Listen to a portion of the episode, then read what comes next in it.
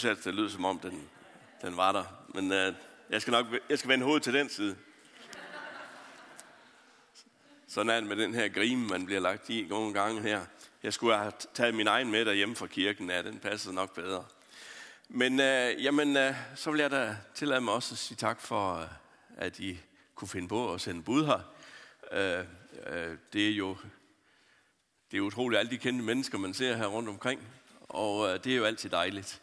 Og så langt er jeg jo, bor jeg heller ikke langt væk, men det er jo rart at komme til fastlandet igen, for vi har jo gået her i eftermiddags har vi i hvert fald gået rundt, mig og mine børnebørn fra Aarhus af, så har vi gået rundt og fået lidt våde tær, fordi øh, vi nærmer os jo de 1,8 meter øh, over øh, daglig vandstand i Skivehavn, så øh, det, og det ved AK alt om, hvad der så sker. Jeg nåede lige ud af fjordvej, inden de begyndte at lægge sand, sand henover. Så øh, det, det kan I bare spørge ham om, hvordan det foregår. Øh, og så ved jeg ikke, om det er mig, der er ved at blive gammel og, og, og hoved og meget andet sådan der, men øh, øh, der stod faktisk på min seddel, eller på min øh, noteret på min kalender, at jeg skulle holde, jeg skulle fortælle jer om soldatermission i aften. Det er jo sådan, at jeg har en lille bidjob stadigvæk, så længe det varer, øh, som formand for et firma, som hedder KFM's Soldatermission. Så det kommer det til at smage en lille smule af. Det tror jeg ikke, der er så mange, der har noget imod. Og ellers så må I falde over mig bagefter. Øh, jeg vil begynde med at øh, øh, læse øh, fra salme 107 i øh, Bibelen. Det er versene 23 til 30. Og øh, det har også lidt med vand at gøre. De stod til søs med deres skibe og drev handel på de store have. De så Herrens gerninger og hans under på havdybet. Når han talte, brød stormværet løs. Det rejste havets bølger. De steg mod himlen, sank ned i dybet. De blev grebet af redsel i ulykken, tumlede rundt og ragede som berusede. Al deres kløgt var til ingen nytte. Der råbte de til Herren, i deres nød, og han førte dem ud af deres trængsler. Han fik stormen til at stilne, og havets bølger lagde sig. De blev glade, fordi det faldt til ro, og han førte dem til den havn, de ønskede. Amen.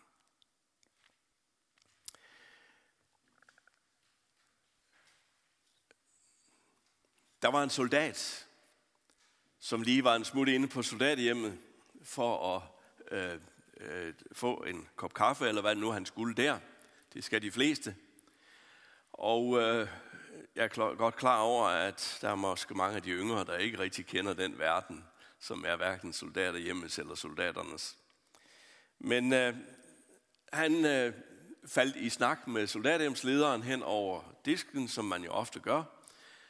Og øh, så sagde han, soldaten her, ved du hvad, fatter.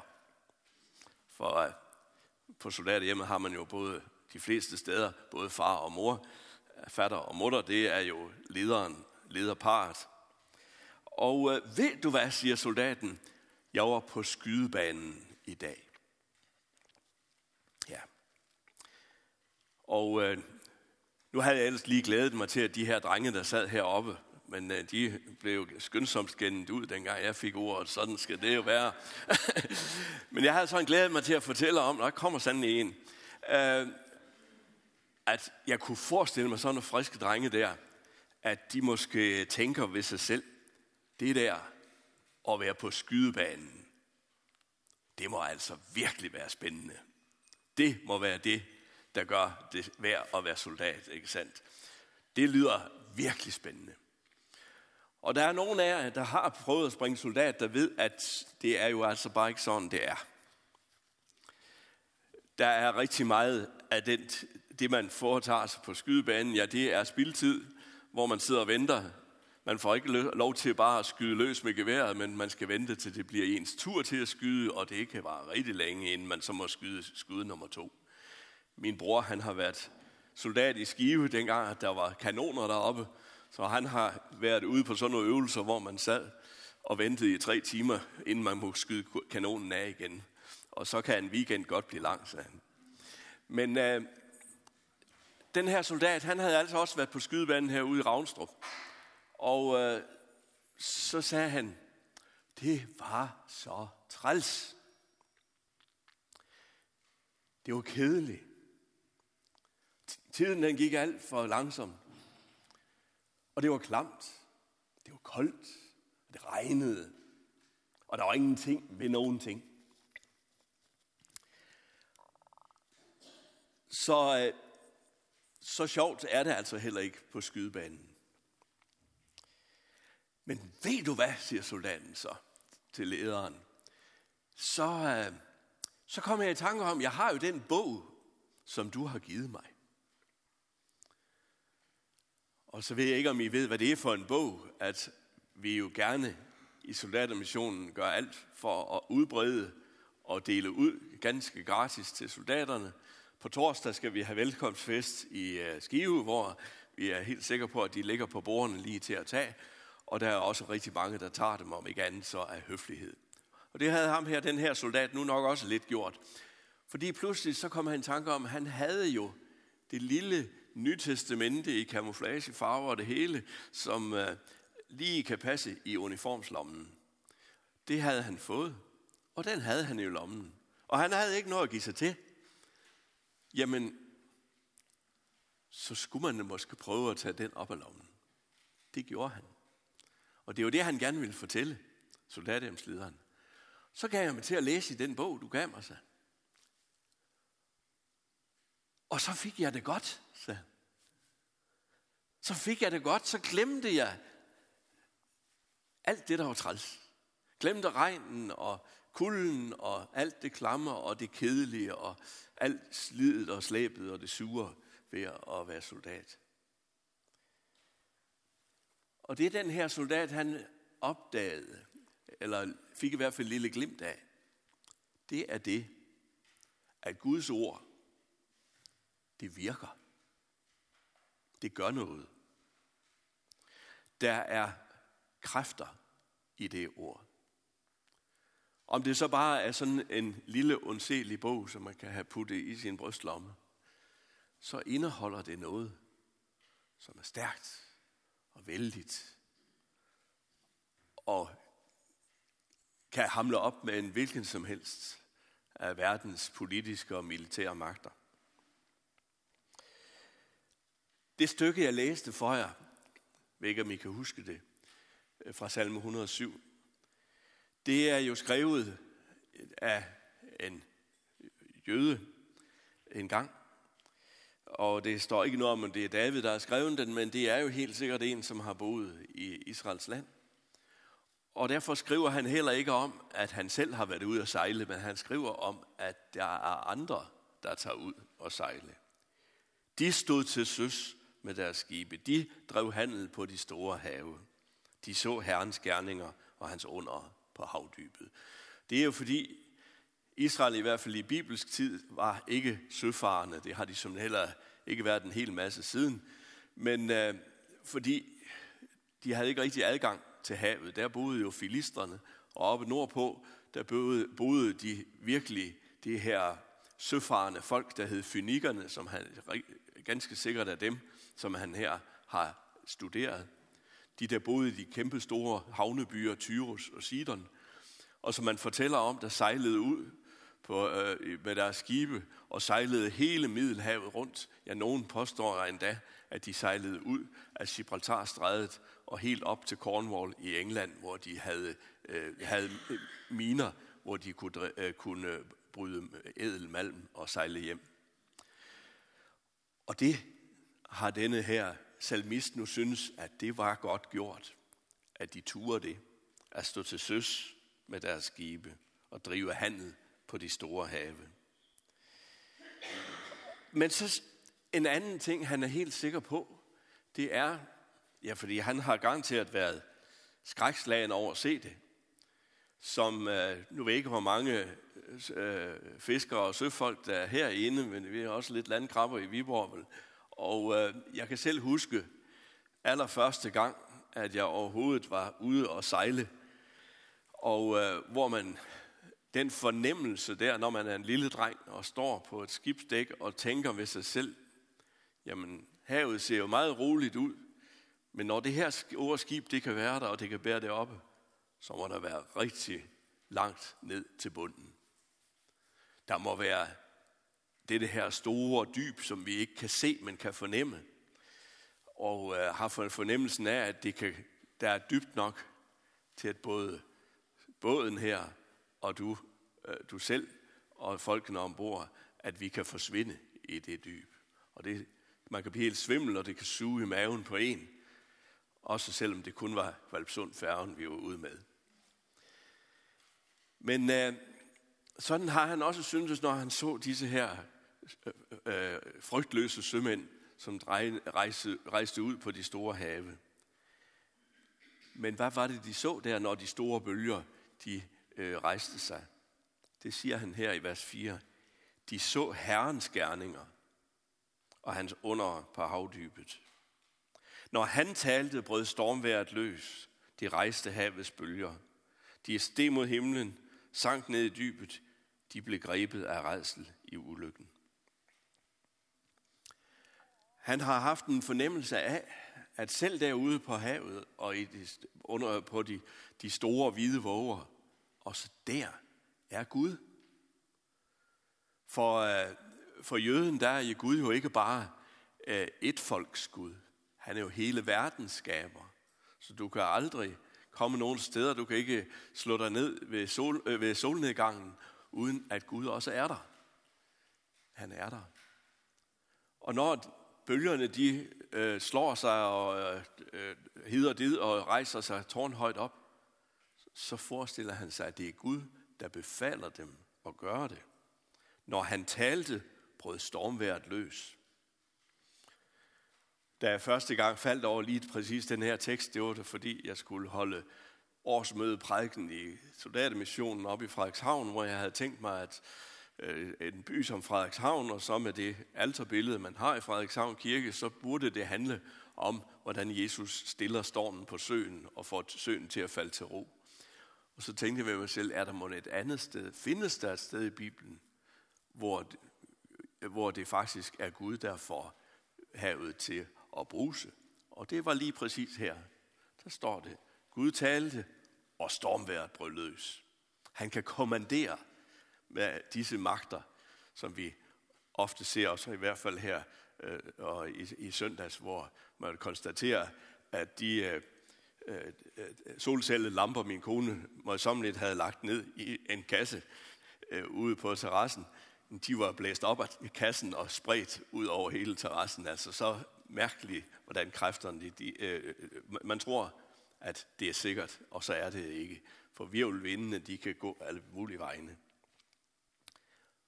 Og så bliver vi her mindet om, det er Gud, der står bag. Det er ham, der har magten. Guds magt, den viser sig ikke bare i de store bølger og den store blæst, men det er hans ord, der viser hans magt. Når han talte, hedder det, så brød stormværet løs. Gud taler, så er der kræfter på spil. Og det var det, han forestiller sig også, at hans hedenske naboer deroppe i, blandt finikkerne, at de ville, de, de ville fornemme, at der var noget stort, noget mægtigt, noget guddommeligt, noget, der var større end dem selv. Og det hedder det så netop her, de blev grebet af redsel i ulykken, tumlede rundt og ragede som beruset. Al deres kløgt var til ingen nytte. Al deres kløgt og jo, øh, vi er jo kløgtige, og vi kan meget. Vi kan rigtig mange ting. Og øh, ja, jeg kan huske, hvordan jeg for nogle år siden øh, øh, tog telefonen og ville ringe med til min reservesøster. Sådan en har jeg nemlig. Og da hun tog telefonen, så snakkede hun engelsk til mig. Og jeg tænkte godt nok ved mig selv, at ah, nu bliver de altså forbruget derovre i København, at de nu ikke engang kan finde ud af at snakke dansk i telefonen længere. Men øh, det viste sig jo så, at øh, hun tog telefonen, der stod hun nede i Tanzania. og øh, det var ikke nemt at høre på telefonen, fordi det hele gik igennem fuldstændig som det skulle. Øh, og, øh, og hun kunne akkurat lige, lige så godt have stået i Skive eller København, eller hvor i verden det var. Jo, vi er blevet dygtige. Det er vi. Og dog. Vi har vores kløgt og vores viden og vores kunde, det har sin begrænsning. Alverdens teknik og snille, det har endnu ikke kunnet skaffe, skabe fred på jorden. Det ved vi jo godt. Det bliver vi mindet om hver dag, at det måske ovenikøbet bliver værre og værre. Jo mere vi kan, jamen, jo større øh, grusomheder kan vi også. Jo mere kan vi snyde og bedrage. Jo mere kan vi, øh, øh, kan vi øh, plage og pine andre mennesker. Teknik og snille, kløgt og erfaring. Jo, det er fint, fine ting alt sammen, men hvor kan det misbruges? Hvor bliver det misbrugt? Vi menneskers kløgt og magt har en grænse. Og når jeg nu skal fortælle jer lidt om, eller havde regnet med, at jeg ville fortælle lidt om soldatermissionen, så kommer jeg heller ikke udenom, at der er et ord, som jeg for, i hvert fald for 10 år siden ikke rigtig øh, sådan forbandt det samme med, som jeg gør i dag. Og øh, det er ordet veteran. Øh, for 10 år siden tror jeg nok, at jeg tænkte mest på en gammel bil, hvis nogen sagde en veteran og, eller en gammel motorcykel måske. Men i dag, så ved enhver jo, og det snakker vi jo, øh, en sprogbrug, vi har vendet os til, at vi siger veteraner, så tænker vi på krigsveteraner, som vi jo ellers har været så heldige ikke at have rigtig så mange af i Danmark, men vi for alvor har fået fra 1990'erne og opad. Og øh, derfor er det også, at sådan noget som soldatermissionen, som måske nogen af jer synes er ved at være noget, der har overlevet sig selv, fordi, kære venner, altså i gamle dage så var nogen af jer måske inde i 13 måneder eller sådan noget. Og øh, nu, dem der bliver indkaldt, det er jo ikke ret mange med os, og de bliver kun, de er kun inde i fire måneder, altså. Hvor meget kan man forlange af sådan soldater? Så, øh, og oven i købet, så får de jo løn, og de kan tage hjem til mor i weekenden, og øh, der er, jamen, nej, det er jo ikke noget at sammenligne, men dengang nogen af jer var det, hvor det var en nødvendighed, en, en øh, tvingende og helt forståelig nødvendighed, at have et hjem, et kristent hjem, for folk, der måske var hjemmefra for, øh, for første gang, og ligesom øh, kunne begå sig ude i den store verden, ved at de fik et nyt hjem på soldaterhjemmet. Det er ikke helt den situation, vi står i i dag. Og alligevel så har vi ikke tænkt os at lukke og slukke i soldatermissionen. Vi har måske, øh, jeg vil ikke sige som aldrig før, men i hvert fald mindst lige så meget som før, har vi noget at, øh, har vi et arbejde at gøre. Fordi menneskers kløgt har sin begrænsning. Og det er også det, vi oplever, at vi, vi har oplevet, at der kommer soldater hjem, som har været ude i den store verden og set og oplevet lidt af hvert. Og de kommer hjem og har noget med sig hjem i bagagen. Og der skal jeg lige huske at sige, at nu må vi ikke snakke det ord veteranen ned. Det er der ingen grund til. Når Lars Lykke han foreslog, at man skulle lave sådan, at et bestemt antal øh, stillinger, der blev opslået, de kun kunne søges af veteraner. Så blev veteranerne jo alle på ham. Og det kan man godt forstå. For de vil jo gerne sige til ham, det at have været ude og komme hjem igen, det er en ressource, det er, en, det er noget, der må, altså selv må stille os for os i køen. Vi er ikke nogen, der skal have særbehandling. Man skal ikke have ondt af os, fordi vi har været veteraner eller fordi vi er veteraner og har været ude, udsendt i, øh, øh, i øh, krigsområder. Og det er jo fordi, man siger 80 procent af dem, der kommer hjem, jamen de kommer hjem og er blevet stærkere. Undskyld. Øh, de er blevet stærkere. De er, har ligesom oplevet at være måske hjemmefra for første gang, og de er unge mennesker på 19, 20, 21 år, og har overlevet og kan se sig selv i øjnene og sige, at vi har haft en opgave, og den har vi løst, og, øh, og nu skal vi videre. Og øh, det, var en, øh, det, det var en god oplevelse at være ude, vi er blevet styrket. Og det er jo meget, så det skal vi endelig ikke glemme, når vi nu snakker om så mange, der er skadet. For der er jo stadigvæk 20 procent, som kommer hjem med noget, som ikke er så godt. Og øh, vi, vi har jo ellers sagt i soldatermissionen, at øh, de 20 procent, der kan vi måske hjælpe de 10 procent hos os. Øh, og det er derfor, vi laver veteran øh, afdelinger rundt omkring. Øh, og det var noget af det første, og det er jo fordi, de første, der finder ud af, at der er noget galt med en, en soldat, det er jo på soldaterhjemmet, hvor man er tæt på hinanden, hvor man er familiær, hvor man har netop et hjem, og kan se, at der er noget galt. Soldater, de er jo ikke dummere end andre mennesker, så derfor ved de jo godt, hvad de skal sige til psykologen, når de kommer hjem, for ikke at øh, blamere sig, og nogen skal tro, at de er syge. Og så kan de gå med det i rigtig mange år, uden der sker noget. Nu har vi heldigvis fået det sådan i Danmark, at det, der hedder PTSD, posttraumatisk stress, at det er blevet anerkendt som en, øh, en lidelse, som, øh, som også øh, førhen, så var det noget med, at det var kun hvis den viste sig inden for det første halve til hele år, efter man var udsendt, så kunne det anerkendes som en, en arbejdsskade, men hvis det viste sig 4-5 år senere, så var det ikke en arbejdsskade, så var det nok ikke derfor, de havde fået det. Og øh, det, jeg ved i hvert fald om folk, der har gået syv år og prøvet at bilde sig selv ind, at de ikke fejlede noget, og øh, det gjorde de så alligevel. Det vi fandt ud af, øh, sådan, så, hvad vi kunne gøre ved krigsveteraner, det var det at prøve at lave nogle steder, hvor der også er mulighed, er midlertidige boliger, hvor man kan bo, så man ikke bare skal bo på gaden eller flytte ud i skoven, eller hvad man hører, at folk kan finde på. Og i, i min regeringstid, har jeg sagt, så har vi øh, altså bygget, øh, så vi har omkring har plads til omkring 40 veteraner boende i hele, øh, vores, øh, i hele landet. Vi begyndte i 2012 i Holstebro, i 2013 i øh, Aalborg, 2014 i Høvelte, 2015 øh, nogle øh, øh, lidt større lejligheder i Høvelte, og øh, 2016 øh, i Varde og øh, 2018 i Fredericia.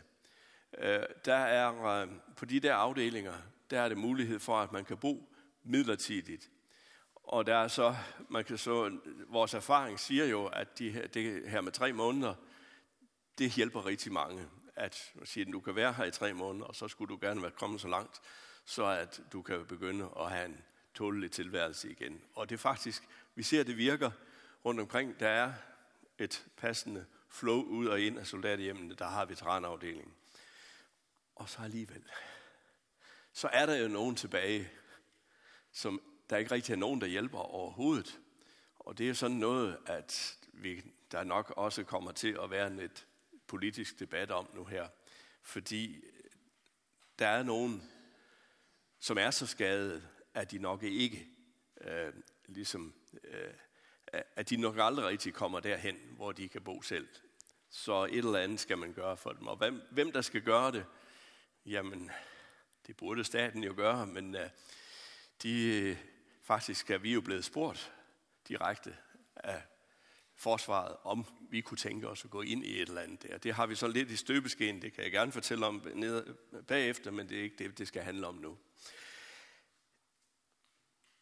Der er mennesker, som oplever, at deres grænse er nået. Og det kan godt være, at nogen siger, jamen det var nok også fordi øh, Danmark var alt for hurtig til at sende folk ud, uden at de var nok ikke ordentligt forberedt, og de havde nok ikke, øh, ligesom de, øh, øh de, de, de var nok, øh, øh, øh, havde nok et eller andet, øh, der plagede dem i forvejen, inden de blev sendt ud og sådan noget. Og det, det kan man ikke bare sige på den måde, for hvem er det, der bliver skadet af sådan noget? Jamen, altså jeg ved om en soldat for eksempel,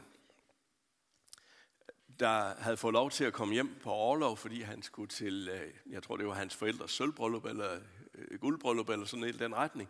En familiefest, han skulle hjem til. Og så øh, familiefesten var overstået, men han var så ikke lige kommet tilbage til Afghanistan, som det jo var dengang. Og så sidder han på soldathjemmet oppe i Aalborg, og pludselig hører han i den første radioavis om morgenen, at der er en dansk patrulje, som er blevet ramt af en vejsidebombe i Afghanistan. Og så bliver han jo øh, nysgerrig, fordi når man har været der, ikke også, så tænker man dybere over, så fandt han så også ud af, det var lige præcis hans øh, deling, der var blevet ramt.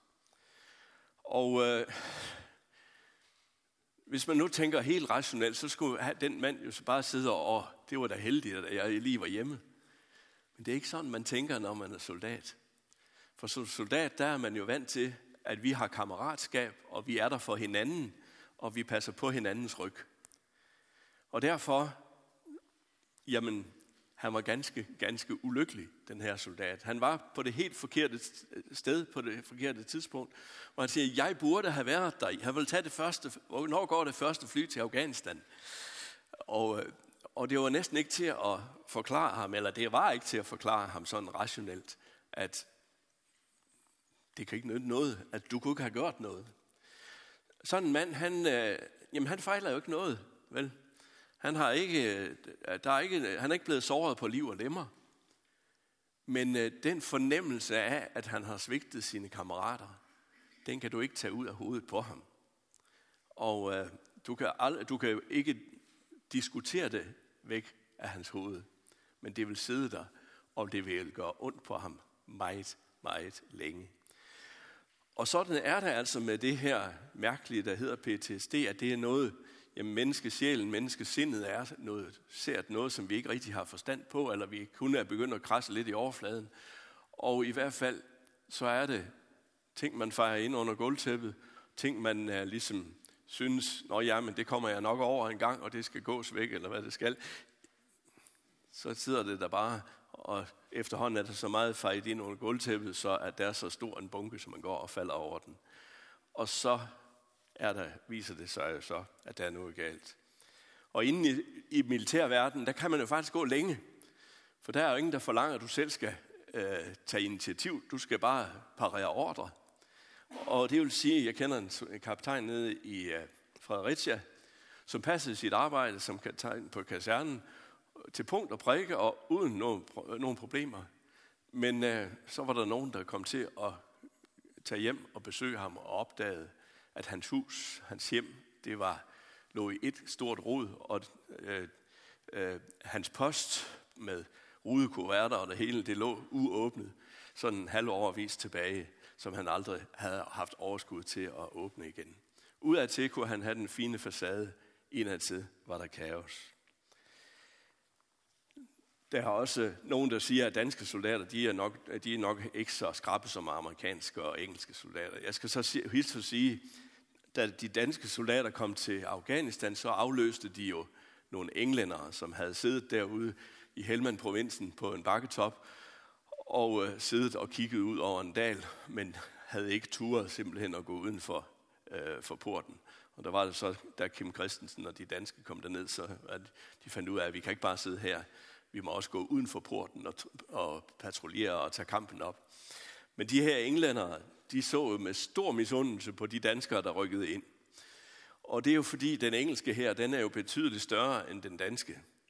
Og det vil sige, når den danske her sender sådan en, øh, en portion soldater til Afghanistan, øh, så er det jo simpelthen, det er så stor en begivenhed i Danmark, så det er det creme, eller creme, det er alt det bedste udstyr, det får de med. Så, og englænderne, ja, inden for den engelske her, så er sådan en lille bitte afdeling i, øh, på en bjergtop i Afghanistan, det er altså ikke rigtig nogen, man lægger mærke til. Så de får bare sådan lidt noget af det aflagte. Så de havde, det udstyr, de havde, det øh, rystede danskerne nu noget på hovedet af. Så vi skal ikke komme og sige, at det er fordi, vi ikke udruster dem eller uddanner dem ordentligt. Men al uddannelse og al udrustning har sin begrænsning heldigvis så er det sådan, som vi altid har oplevet det i soldatermissionen, at det er jo ikke bare, at vi prøver at øh, lave disse her fredelige steder og hjem, hvor man har det godt og så videre, men øh, at det, at det er et kristent hjem, hvor Guds ord fylder noget, og også har øh, øh, øh, ligesom sætter dagsordenen og atmosfæren, det betyder også noget i forbindelse med de PTSD-ramte. At øh, man står ikke, der står ikke en behandler foran dig, der vil lægge en skemaplan på, hvornår skal du lære at tage bussen selv, og hvornår skal du der. Men du får lov at være dig selv og passe dit eget tempo. Og det er jo det, der virker, ser vi den ene gang efter den anden. Salmisten, han siger, at selv disse her øh, skrabe søfolk, som sejlede på havene, og som oplevede, at de kunne ikke klare, når de store bølger kom, der står her i vers 28, der råbte de til Herren i deres nød, og han førte dem ud af deres trængsler. De råbte til Herren, og Herren fører ud af trængslen.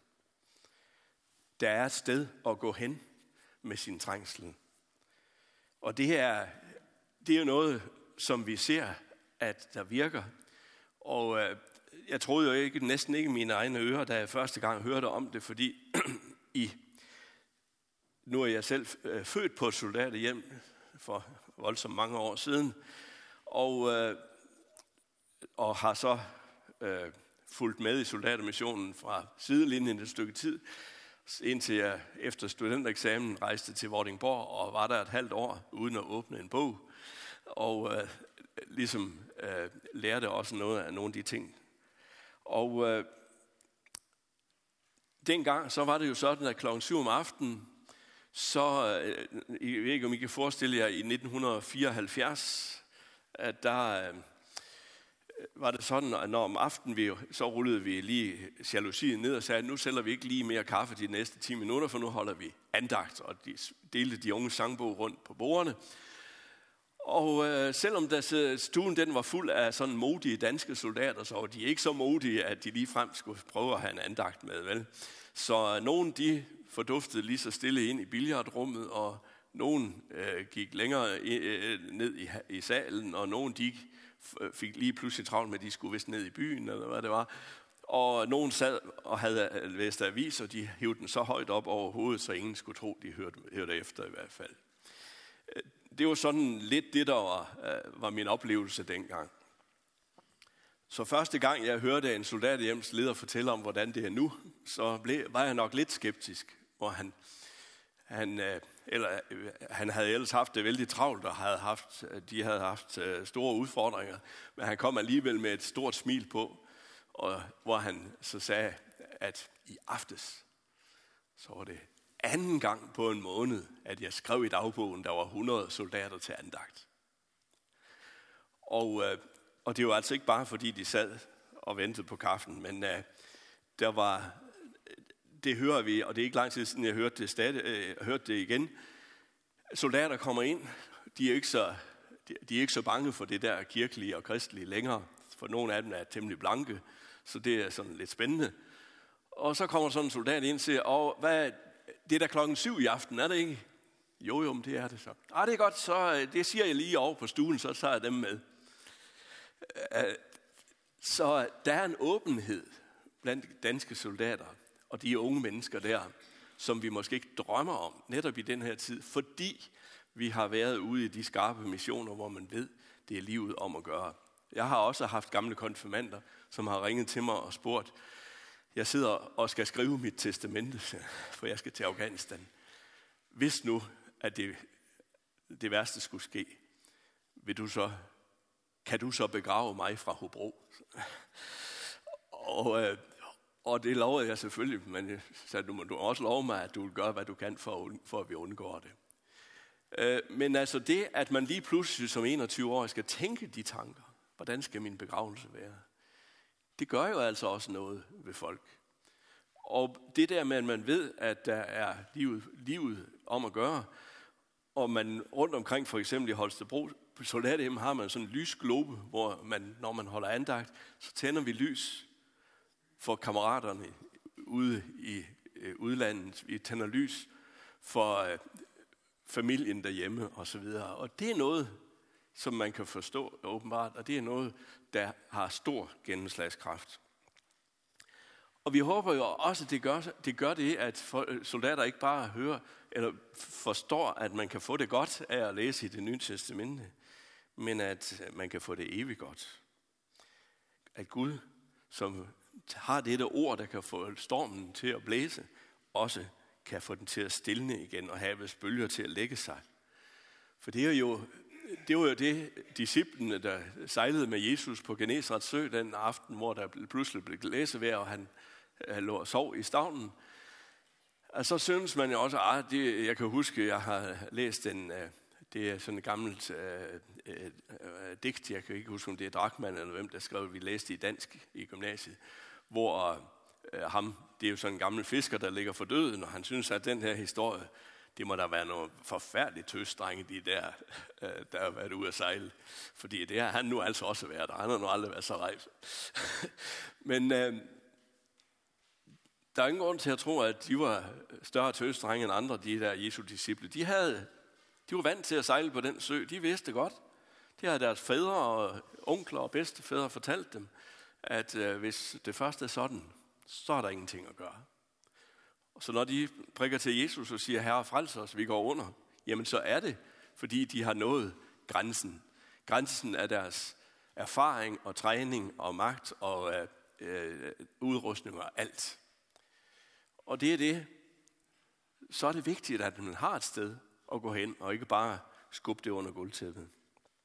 For Gud har magt til at stille stormen også. For havets bølger til at lægge sig. Så hedder det så dejligt i vers 30, de blev glade, fordi det faldt til ro. Ja. Fordi det har noget at gøre med det stormvejr, der kan være herinde, som jeg også var ved at sige noget om, at nogle soldater kan jo gå og se meget almindeligt ud, og så pludselig bryder det løs. Jeg købte, jeg købte øh, hvad hedder det, øh, havemøbler et år. Øh, det var, mens jeg var ude i Vammen, og der var jeg inde i Bauhaus i Randers og købte de her møbler, og så det er sådan et sted, hvor man kører ind med bilen ind på lageret og får de, de her møbler smidt om bag i bilen. Og der gik jo sådan en mand, sådan en nydelig øh, mand i, på, i sin bedste alder, i hvert fald sådan cirka på min alder, og øh, der gik og hævde tingene ned fra hylden og gav dem videre.